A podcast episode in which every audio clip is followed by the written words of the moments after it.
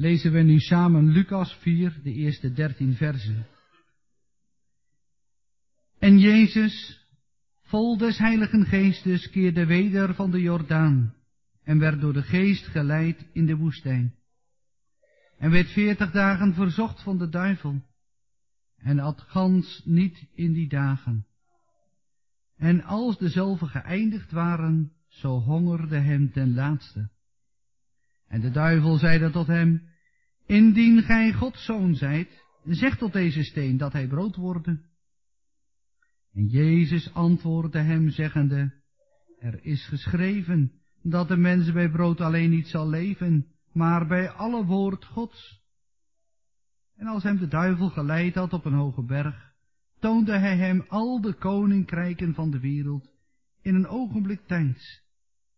En de duivel zeide tot hem, Ik zal u al deze macht en heerlijkheid dezelfde koninkrijken geven, want zij is mij overgegeven, en ik geef ze wien ik ook wil. Indien gij dan mij zult aanbidden, zo zal het alles uwe zijn. Jezus antwoordende zeide tot hem, ga weg van mij, Satan, want er is geschreven, gij zult de Heere uw God aanbidden en hem alleen dienen. En hij leidde hem naar Jeruzalem en stelde hem op de tinnen van de tempel en zeide tot hem, Indien gij de zonen God zijt, zo werp u zelven van hier nederwaarts. Want er is geschreven dat hij zijn engelen van u bevelen zal, dat zij u bewaren zullen, en dat zij u op de handen nemen zullen, al dat gij uw voet niet de enige tijd aan een steen stoot. Jezus antwoordende zeide tot hem, er is gezegd, gij zult de Heere uw God niet verzoeken. En als de duivel alle verzoeking voleindigd had, week hij van hem voor een tijd. Gemeente de preek gaat vanmorgen over het voorgelezen schriftgedeelte Lucas 4, vers 1 tot en met 13. In dat schriftgedeelte wat ons voorgelezen is, lezen we van drie verzoekingen. Verzoekingen van de Heer Jezus door de duivel in de woestijn en we gaan die drie verzoekingen één voor één vanmorgen met elkaar overdenken. Thema voor de preek is hoe de duivel de Heer Jezus en ons probeert te verleiden tot zonde. We gaan die drie verzoekingen één voor één met elkaar overdenken en bij ieder van die drie verzoekingen letten we op een paar dingen. In de eerste plaats op het gevaar in die verzoeking. In de omstandigheden van die verzoeking. In de tweede plaats letten we op de verzoeking zelf, op de inhoud, op de kern ervan. In de derde plaats op het antwoord, op de reactie van de Heer Jezus. En daaruit proberen we steeds bij die drie verzoekingen in de vierde plaats geestelijke lessen te trekken. Dus steeds het gevaar, de inhoud van de verzoeking, de reactie, het antwoord van de Heer Jezus en de geestelijke lessen die daarbij horen. We beginnen met de eerste verzoeking en leest u maar mee in uw Bijbeltje in Lucas 4, vers 3. Daar staat, en de duivel zeide tot hem, tot de Heer Jezus, indien u Gods zoon bent, zeg tot deze steen dat hij brood wordt. We bevinden ons hier in Lucas 4 aan het begin van de aardse loopbaan van de Heer Jezus. Hij is zojuist, dat staat in Matthäus 3, door Johannes de Doper gedoopt in de Jordaan. Matthäus schrijft, en Jezus, gedoopt zijnde, is terstond opgeklommen uit het water en ziet, de hemelen werden geopend en hij zag de geest Gods neerdalen gelijk een duif en op hem komen en ziet een stem uit de hemelen zeggende, deze is mijn zoon, mijn geliefde, in de welke ik mijn welbehagen heb. Hij is gezonden door de Vader en nu ook aangewezen en bekwaam gemaakt door de Heilige Geest. En nu direct daarachteraan, nu neemt de Heilige Geest hem mee in de woestijn om verzocht te worden door de duivel. Want de Heilige Geest wil laten zien dat deze Christus, de enige geliefde Zoon van God, sterker, veel sterker is dan de macht van de Satan. En nu heeft de Heer Jezus veertig dagen en veertig nachten niet gegeten en niet gedronken in de woestijn. En dat kan je begrijpen. Nu heeft hij heel veel honger. Want we zouden in de eerste plaats kijken naar het gevaar in de omstandigheden van deze verzoeking. Dit is het eerste gevaar. De Heer Jezus heeft heel veel honger. Veertig dagen en veertig nachten niet gegeten en gedronken. Hij heeft heel erg, erg honger. En je weet, jongens en meisjes, als je honger hebt. Tenminste, dat heb je zelf nog nooit zo gehad. Maar als je dat ziet en hoort van andere mensen, dan ben je echt tot alles in staat. De tweede Adam, zo wordt Heer Jezus genoemd, heeft honger. De eerste Adam, dat was Adam uit het paradijs. Die had helemaal geen honger. En als die het al had, kon die van alles en nog wat eten. Het hele paradijs stond vol. Maar hier, en dat is het gevaar in de omstandigheden van deze verzoeking, hier, bij de tweede Adam, bij de Heer Jezus, is er alleen maar woestijn, wildernis en steen op de grond. En niets te eten. En het tweede gevaar is dit voor de Heer Jezus. Wij zouden zeggen, is het een koud kunstje om een wonder te doen. Gevaarlijk moment. Althans, dat zou het voor ons mensen geweest zijn.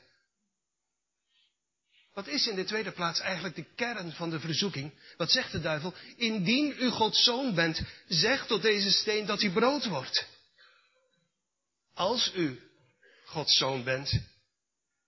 Ja, want dat is veertig dagen geleden wel gezegd uit de hemel. En ik heb het dus wel gehoord. Deze is mijn geliefde zoon. Nou dan, uitdagend, als dat dan zo is. Het doet denken, jaren later, aan wat de duivel de omstanders bij het kruis in de mond legde. Indien u de zoon van God bent, zo verlos uzelf. Kom af van het kruis.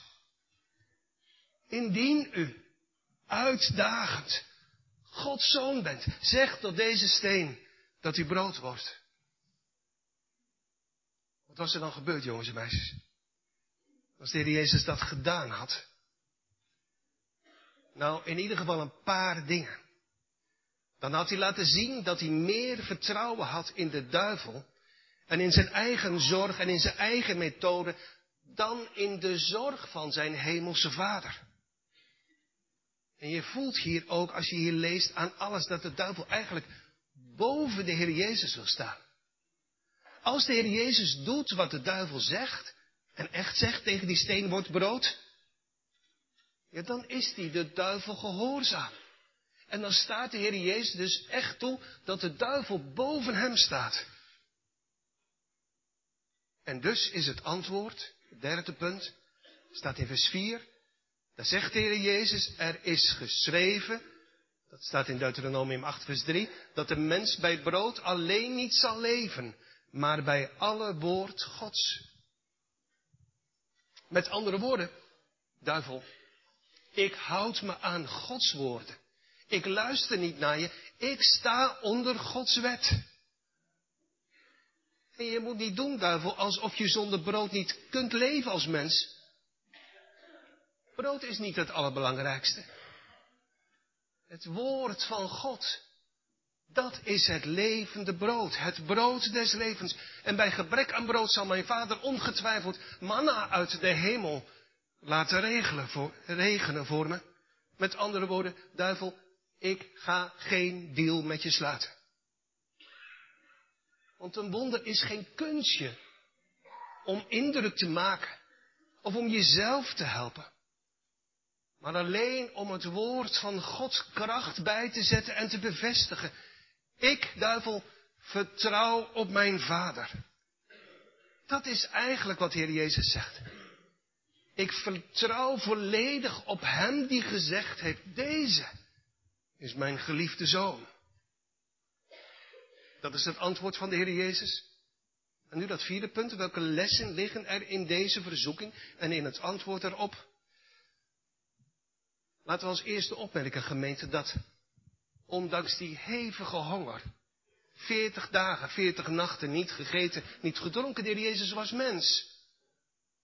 Dat hij toch niet valt in de strik van de Satan. Zijn omstandigheden, dat zei ik u net, zijn vele malen zwaarder dan de omstandigheden van de eerste Adam in het paradijs, die ook verleid werd om, om te eten. Maar hij, de Heer Jezus, blijft staan. Hij doet wat Adam niet deed en wat wij ongetwijfeld ook niet zouden doen. Wat een gepaste, wat een geschikte middelaar en zaligmaker is deze tweede Adam. Voor verloren kinderen van de eerste Adam. Zijn openbare optreden begint onder de moeilijkste omstandigheden. Met gehoorzaamheid aan zijn vader.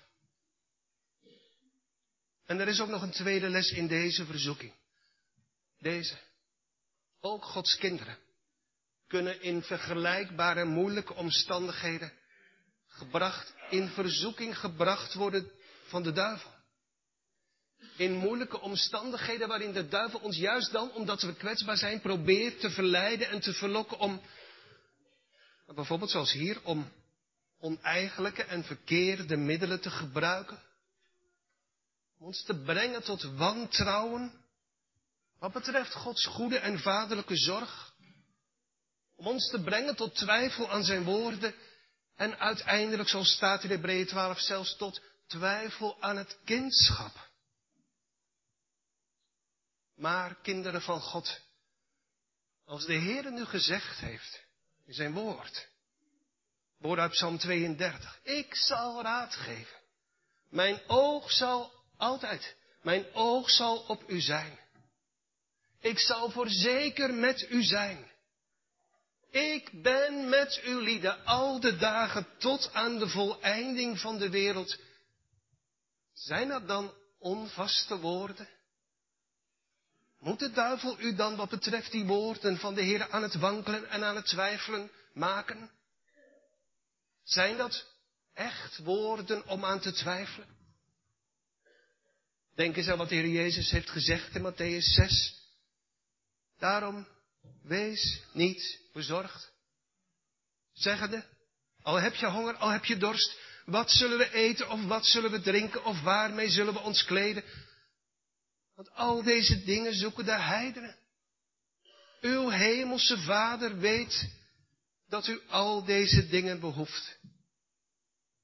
En daarbij, er is geschreven dat de mens bij brood alleen niet leven zal, maar bij alle woord Gods. En dus in de moeilijkste omstandigheden, in verzoeking en aanvechting, wentel uw weg op de Heer. Want Hij zorgt voor u. Vertrouw op Hem. Hij zal het maken. We gaan samen zingen voordat we verder gaan met de tweede verzoeking uit Psalm 55, vers 13. En je ziet in gedachten de verzoeking van de duivel als er staat, zo zacht als olie is zijn spreken, maar spies nog zwaard kan scherper steken. Mijn ziel, God zal u onderhouden. Werp uw zorgen op de Heer. Zijn trouwe gunst duldt nimmer meer dat die hem vrezen, wankelen zouden. Psalm 55, vers 13. We gaan verder met de tweede verzoeking, althans volgens de rangschikking van Lucas. Want Matthäus volgt een wat andere volgorde. De tweede verzoeking volgens de rangschikking van Lucas, als we lezen in vers 5, 6 en 7.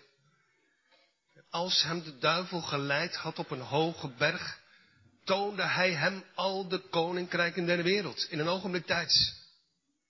En de duivel zei tot hem, ik zal u al deze macht en de heerlijkheid van dezelfde koninkrijken geven, want ze is mij overgegeven en ik geef ze wie ik wil. Indien u dan mij zult aanbidden, zo zal het alles van u zijn. Ik ga voorbij, gemeente, op dit moment aan allerlei vragen als, hoe heeft de duivel dat precies gedaan? De Heer Jezus meegenomen, waar was hij precies en waar was de Heer Jezus precies? Ik wil met je net als bij de eerste bezoeking kijken naar onze vier punten. In de eerste plaats dus, wat is het gevaar in de omstandigheden van deze verzoeking?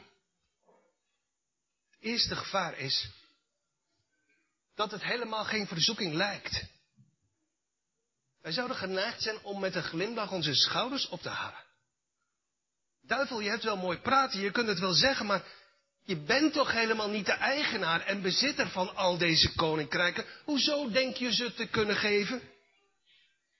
Later zegt toch de Hebreeënbrief dat God, niet jouw duivel, maar Christus gesteld heeft tot een erfgenaam van alles, door wie hij ook de wereld gemaakt heeft.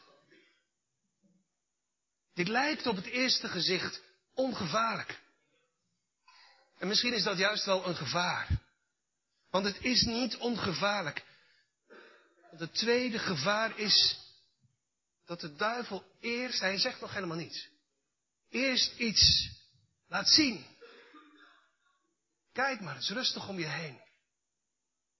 En hij zegt nog helemaal niets. En gemeente, u weet, zonde begint meestal of misschien wel altijd met kijken. Zo begon het in het paradijs. paradijs. Eva, kijk maar eens naar die boom. Adam, kijk. Ze keken, ze zagen, en ze begeerden, en ze aten. En nu hier de tweede Adam, Jezus Christus. Kijk naar al de koninkrijken van deze wereld. Maar let op. Hij kijkt. Maar er komt geen begeerte, geen zondige begeerte in zijn hart. En hij blijft staan. En het derde gevaar in de omstandigheden van deze verzoeking is dat de duivel iets heel groots laat zien. Al de koninkrijken van deze wereld. En hij vraagt iets wat piepklein is, jongens en meisjes, althans lijkt. Wil je één keer een knie voor mij buigen? Het voelt als een heel groot, lekker aas met daar diep in verstopt een heel klein, gevaarlijk, dodelijk haakje. Want, de tweede plaats, wat is de inhoud, de kern eigenlijk van deze verzoeking? Als er staat, ik lees het nog een keer, ik zal u, ik duivel zal u, Jezus, al deze macht en de heerlijkheid van al die koninkrijken geven. Ze is aan mij, duivel, overgegeven en ik geef ze aan wie ik ook wil.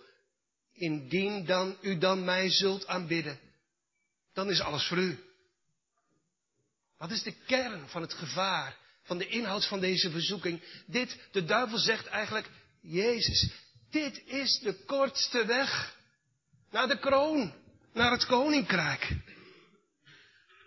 Man, ziet toch af van die moeilijke weg. Van lijden en sterven. Eén knieval. En u bent er. Dan krijgt u de kroon van mij. Zonder kruis. En denk gemeente niet dat dat een lichte verzoeking geweest is. Later zucht de Heer Jezus in, in Gethsemane biddend mijn Vader. Indien het mogelijk is. Laat deze drinkbeker van uw toren van mij voorbij gaan. Toch niet gelijk ik wil, maar gelijk u wilt. Dit is een verzoeking aan het adres van zijn ambt als hoge priester. Jezus, wilt u straks sterven in grote zielenangst als de Messias? Of wilt u vanaf vandaag leven als koning onder mij? Wat is in de derde plaats het antwoord van de Heer Jezus? Kijk maar in vers 8. Ga weg van mij, Satan. Want er is geschreven, u zult de Heere uw God aanbidden en Hem alleen dienen. Staat ook in Deuteronomium 6, dertiende vers. Satan, iedereen, behoort God te dienen. Niemand behoort één knie voor u te buigen. En ik volg vrijwillig het spoor van mijn vader, die kort geleden uit de hemel sprak om als zijn enige liefde zoon de weg te gaan vrijwillig van het lijden. De eerste Adam boog weliswaar vrijwillig voor u. Maar ik zal als de tweede Adam staande blijven. En God en God alleen dienen. Wat wij daar allemaal en in het bijzonder Gods kinderen daarvan kunnen leren? Dit. Gemeente, als de duivel, dat weet u, want dat heb ik u vaker gezegd en dat weet u uit de schrift. Als de duivel ons tot zonde verleiden wil, laat hij ons vaak eerst iets zien. Zonder een woord te zeggen. Kijk maar. Niet voor niets heeft Johannes het later in zijn zendbrief over de begeerlijkheid der ogen. Dat verstrikte Eva. Later Dina, de dochter van Jacob. Agan bij de stad Jericho. Simson. Ananias in het Nieuwe Testament. Hij laat ons vaak iets zien van het mooie, althans van het schijnbaar mooie van deze tijd, van de dingen van de wereld. Denk maar aan de rijke man in het Nieuwe Testament, uit Lucas 12. Die zegt precies na wat de duivel hem als het ware influistert. Ziel, u hebt, en kijk maar eens goed om je heen. U hebt veel goederen die opgelegd zijn voor vele jaren. Neem rust, eet en drink en wees vrolijk. De begeerlijkheid der ogen. En zo was het ook bij Demas, van wie Paulus het schrijft aan Timotheus. Demas heeft mij verlaten de tegenwoordige wereld kijkend om zich heen, heeft hij lief gekregen. Duivel laat ons kijken, het mooi zien van deze wereld en, en goed opletten, hij belooft altijd meer dan dat hij waar kan maken. Zo ook hier, hij belooft al de koninkrijken van de aarde. Maar dat kan hij niet waarmaken. Dus jongens en meisjes, jongelui, zijn beloften zijn vals. Hij kan niet geven wat hij belooft. Dat zie je al op de eerste bladzijde van de, van de Bijbel. Denk maar aan de belofte van de duivel aan Eva. Eva, u zult als God zijn. En wat kwam er van terecht? Dat staat in Psalm 49. De mens die in waarde is, blijft niet, maar wordt als de beesten die vergaan. De duivel kan zijn beloften niet waarmaken, ze zijn vals. En als hij ze al zou kunnen waarmaken, wat is dan nog de winst? Wat baat het de mens als hij al de koninkrijken van deze aarde, als hij de hele wereld gewint, maar schade leidt aan zijn ziel? Wat moeten we doen, gemeente? Deze verleidingen. De verleiding van kijken, begeren en zondigen. Deze verzoekingen te weerstaan, wat moeten we doen? Gebruik maken van, ik hoop daar vanmiddag meer over te zeggen vanuit de catechismus, gebruik maken van, van geestelijke wapens. Dit is het geestelijke wapen. In de eerste plaats het woord van God. Zeggen zoals de Heer Jezus zei. Er staat geschreven in dit woord. Ook het wapen van het gebed. Bidden dat onze ogen anders gericht zullen worden. Niet naar beneden. Niet naar opzij. Maar omhoog. Zoals Paulus schrijft in 2 Korinthe 4. We aanmerken niet de dingen die men ziet. Daar letten we niet op. Daar kijken we niet naar. Maar de dingen die men niet ziet, want de dingen die men ziet zijn tijdelijk, die gaan voorbij. Maar de dingen die men niet ziet, dat zijn de dingen die boven zijn. Waar God is, waar Christus is. De dingen die men niet ziet, die zijn eeuwig. Daarom zegt de dichter, wend mijn ogen af, dat ze die ijdelheid niet zullen zien. Maak me levend, heren, door uw wegen. Zoals we dat gaan zingen uit Psalm 119, vers 19. Wend, het is een gebed, wend mijn oog van de ijdelheden af. En verlevendig mijn hart door uw wegen, dat mij het betreden van die paden vreugd verschaf. En wat er verder volgt in het negentiende vers van Psalm 119. We gaan kijken naar de derde verzoeking. Lucas plaatst deze verzoeking in zijn opsomming op de derde plaats. Dat Lucas in zijn schrijven altijd de spits heeft gericht op de tempel. Ziet u uiteindelijk zelfs in het laatste vers van zijn evangelie. Hij eindigt uiteindelijk met de tempel, zo ook hier. We lezen vers 9, 10 en 11. En hij, de duivel, leidde hem, de Heer Jezus, naar Jeruzalem en stelde hem op de tinnen des tempels en zei tot hem, indien u de zoon van God bent, werp u zelf van hier neerwaarts, want er is geschreven dat hij, God, zijn engelen van u bevelen zal, dat ze u bewaren zullen. En dat zij u op de handen nemen zullen, opdat u uw voet niet de enige tijd aan een steen stoot. Hoe precies gegaan is ook hier weten we eigenlijk niet zo goed.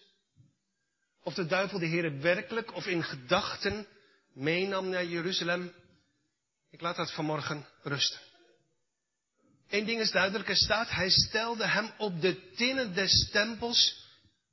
Waarschijnlijk was dat het dak van de zuilengang van Salomo, van waar je naar beneden kon kijken in het diepste ravijn naast de Tempelberg, in het Kidrondal, duizelingwekkende hoogte van 150 meter. Wat is het gevaar? Eerste vraag in deze verzoeking. Ongetwijfeld het uitdagende.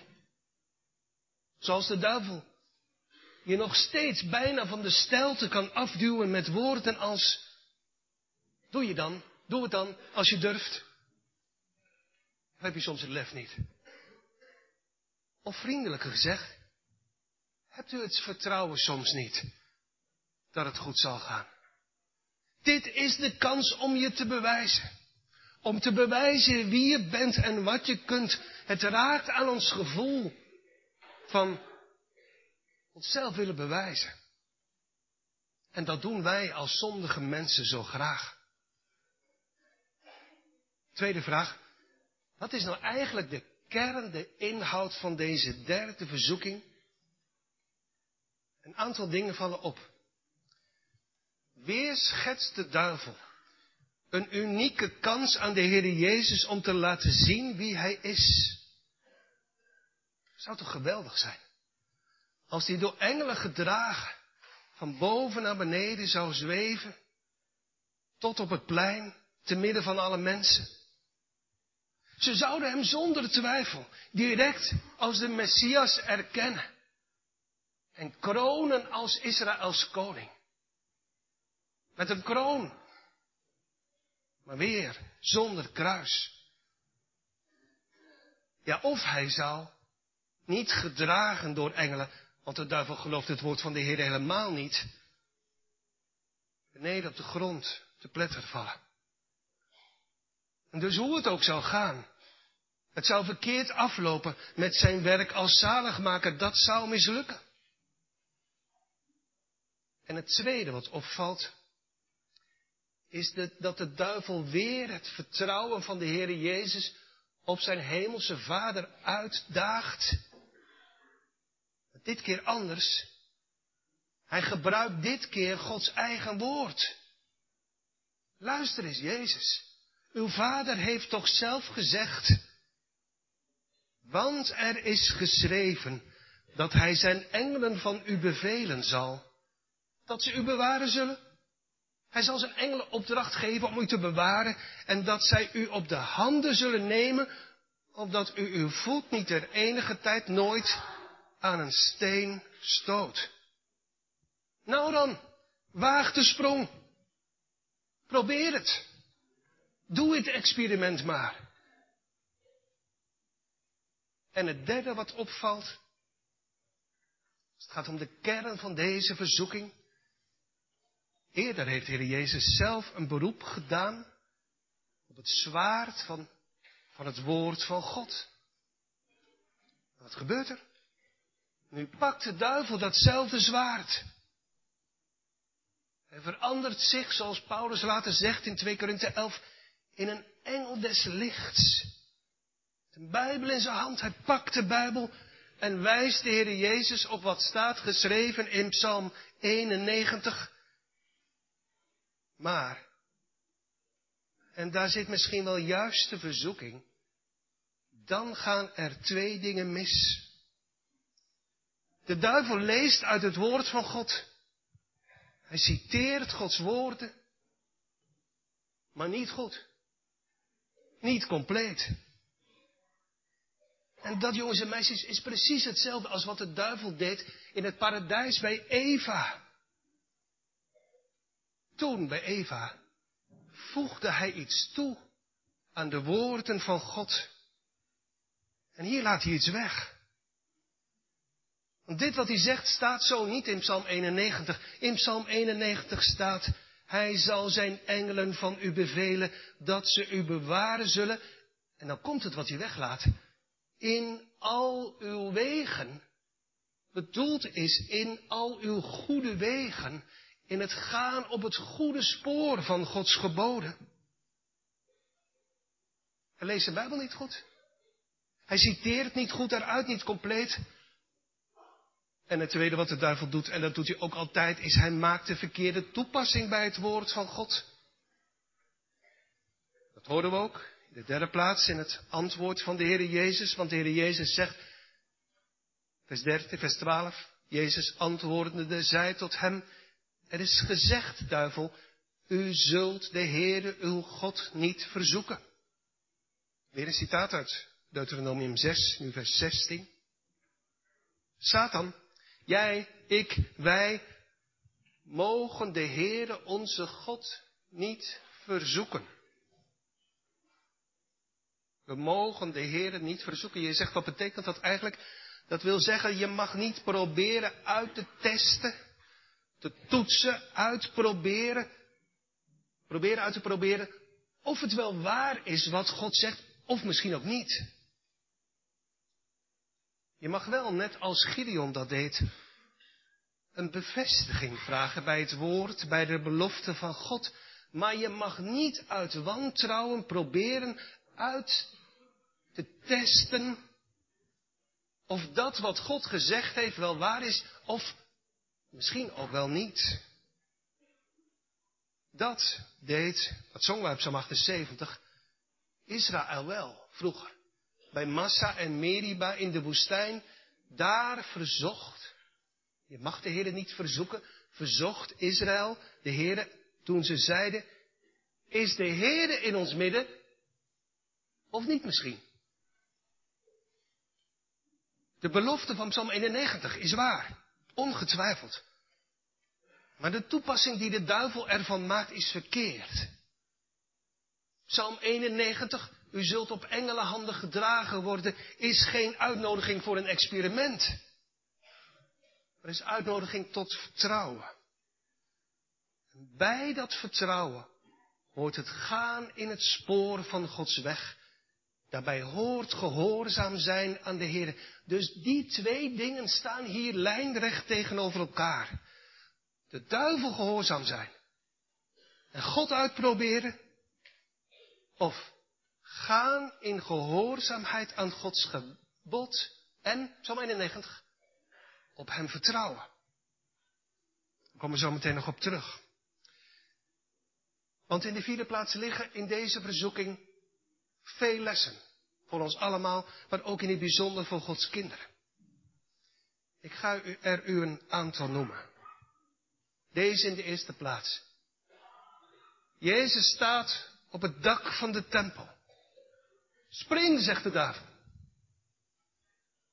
Maar het geloof zegt, nee, er is ook gewoon een trap om beneden te komen. Kennelijk heeft de Heer, en dat is een les voor ons, niet de volken voor een spectaculair wonder. Hij had zijn dienstwerk wel met dit spectaculaire wonder kunnen beginnen, gedragen door engelenhanden naar beneden gegaan. Maar dat doet hij niet. Hij begint met het woord. Hij begint met spreken en de wonderen die hij straks zal doen, doet hij alleen maar, enkel en alleen maar, om zijn woorden kracht bij te zetten en te bevestigen. Tweede les. Het is goed om te weten dat jullie, dat u hier ziet, dat de duivel altijd, niet alleen hier, maar altijd op het oog heeft. Spring! Uw hemelse vader zal u toch niet redden. Met andere woorden, spring!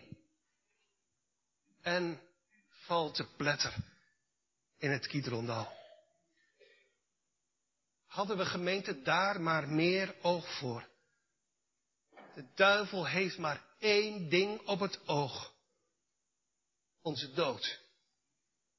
En werkelijk, niets meer. Er is nog een derde les. De duivel spreekt hier met het woord. En dat doet hij nog steeds. De duivel citeert misschien wel het meest Bijbelteksten. Altijd selectief.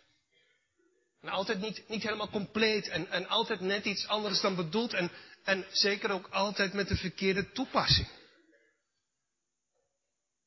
De duivel zegt nooit, zoek de Heer. Bid, klop, doe het, houd het vol. Nee, de duivel verdraait de schriften. Ik wijs u terug naar de preek van vorige week zondagmiddag.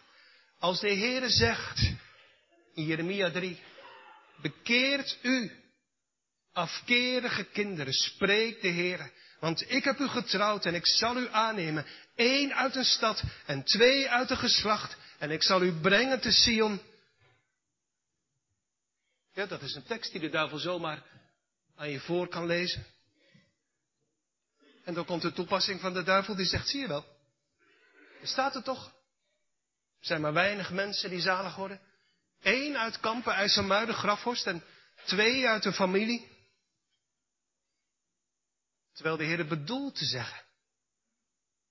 Maar was u de enige. In het goddeloze Kampen, IJsselmuiden en Grafhorst. Ik zal u aannemen.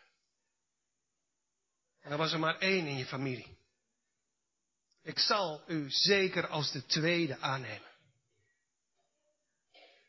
Gemeente, de duivel vindt het prima. Als je, als je je Bijbeltje in je hand hebt, daar iedere dag een beetje in bladert en wat leest.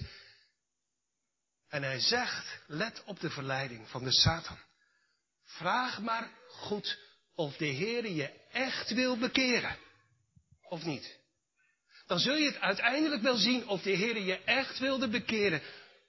Of niet. En u maar bidden. Heere, wilt u me bekeren? Of niet? Is dat een Bijbels gebed? Om dat zo met die bedoeling te bidden. Wilt u me bekeren, Heer? Of, ik hoop het niet, maar, of niet, misschien. Dat is geen Bijbels gebed. Dit is een Bijbels gebed. Heere, doe het toch. Bekeer me toch, dan zal ik bekeerd zijn. Het ligt niet aan u. Het ligt niet aan uw wil. Het ligt aan mij. En het ligt aan mijn zondige hart. Ander voorbeeld. De duivel vindt het prima als je je kinderen laat dopen hier in de kerk. Als je ze maar niet opvoedt in de dienst des Heren. De duivel vindt het prima als je thuis aan tafel bidt om genade. Het mag drie keer per dag. Als je deze genademiddelen maar niet gebruikt. In het verborgen op je slaapkamer je knieën buigen en roepen om genade. Stilletjes. Bijbel lezen. En biddend luisteren in de kerk naar het woord. Weet u, het is allemaal meer van hetzelfde wat de duivel doet. God toetsen, God laten testen, laten uitproberen met de vraag, Heer, bent u wel echt betrouwbaar? En tegelijkertijd niet in zijn wegen wandelen. En dan uiteindelijk zeggen, wat u uw ouderen misschien ook wel denkt of zegt. Met een zucht. Ja, dat is waar. Ik heb mijn hele leven lang gebeden. Maar, heren, uiteindelijk bleek u toch niet betrouwbaar. U hebt me bedrogen. U zei wel bid en u zult ontvangen, maar ik heb nooit iets gekregen van u. U zei wel zoek en u zult vinden. Maar ik heb nooit iets gevonden. En u hebt wel tegen me gezegd, klopt, en u zal open gedaan, maar er is nooit iets gebeurd. En dus denkt u, God is niet betrouwbaar. Maar u vergist u. U bent gefopt, u bent bedrogen door de Satan. Die zei, en hij zegt dat al jaren. Probeer het maar. Probeer het maar hoor. Je zult zien of het waar is. Maar waarschijnlijk niet. En dus bad u en bidt u tot op de dag van vandaag. Heren, wilt u me echt bekeren? Of niet? Maar zo zegt de Heer. En dat heeft de Satan u altijd verzwegen. Ik heb geen lust in de dood van de stervende. Spreek de Heere, Heere, daarom bekeert u en leeft. Met andere woorden, ik wil wel, zegt God, maar u wilt niet. En u laat u bedriegen. U hebt u al eindeloos laten bedriegen door de Satan, die een mensenmoordenaar is van de beginnen. Gemeente, laten we tot slot een aantal conclusies trekken. Terugkijkend naar deze verzoekingen. Deze conclusies wil ik u meegeven. Zie in de eerste plaats in deze geschiedenis, kinderen van God, de trouw en liefde. En standvastigheid van onze zaligmaker. Hij was getrouw in alles. In de dingen die de Vader hem opgedragen had. En in de tweede plaats dat hij verzocht werd, mag ons in alle verzoeking en aanvechting tot grote troost zijn. Zoals de schrijver van de Hebreeënbrief zegt, wij hebben geen hoge priester die niet kan medelijden hebben met onze zwakheden. Maar die in alle dingen, net als wij, is verzocht geweest. Maar zonder zonde. En daarom, omdat hij staande gebleven is, kan en zal hij al de zijnen staande houden in verzoeking en in moeilijke omstandigheden. In de derde plaats let erop, de Heer Jezus wilde geen kroon zonder kruis. Dus weten we, kinderen van God, dat ook wij, die zijn voetstappen navolgen, nooit de kroon zullen behalen zonder kruis en lijden om zijns naam wil. En laten we in de vierde plaats altijd biddend oog hebben voor de listen en de verleidingen van de Satan. De duivel presenteert, dat hebt u gezien, de zonde als, als aas aan een, aan een verstopt haakje. Als gif in een gouden beker. Hij bagatelliseert de ernst van het kwaad. Fluistert u in dat de beste mensen op de wereld ook wel zonden doen? Moedigt ons aan om het te durven, om het uit te proberen. En, en, wij, en wij maar denken dat we uiteindelijk in eigen kracht in staat zullen zijn om het kwaad te weerstaan. Drink gerust, zegt hij. Je kunt gaan tot de grens, je weet zelf al waar de grens ligt. Kijk gerust. Kijken. De duivel zegt niks. Kijk alleen maar. Kijk gerust naar films vol van moord en overspel. Dat zal je zelf heus nooit doen, zegt de duivel. En ondertussen vergeten we wat Paulus schrijft in Efeze 6. We hebben de strijd niet tegen vlees en bloed, maar tegen de overheden, tegen de machten, tegen de geweldhebbers deze wereld, der duisternis deze eeuw, tegen de geestelijke boosheden in de lucht. En dus kan ik u en mezelf, ja iedereen tot slot, niets anders dan deze raad meegeven. In de eerste plaats gemeente blijf ver bij de zonde vandaan. Grote afstand. Het is een besmettelijk kwaad. Als ik van hier u aanhoest, bent u volgende week verkouden. Zo besmettelijk is verkoudheid. Maar de zonde is veel besmettelijker. Blijf er ver vandaan. Speel niet met het aas, met het haakje erin, wat de duivel u voorhangt, met de bedoeling om u als een vis te vangen en vast te haken. Blijf ver van de zonde. In de tweede plaats, gemeente, bedenk dat de zonde niet alleen zoet is. Ja, op dat moment misschien wel. Maar daarna vaak bitter.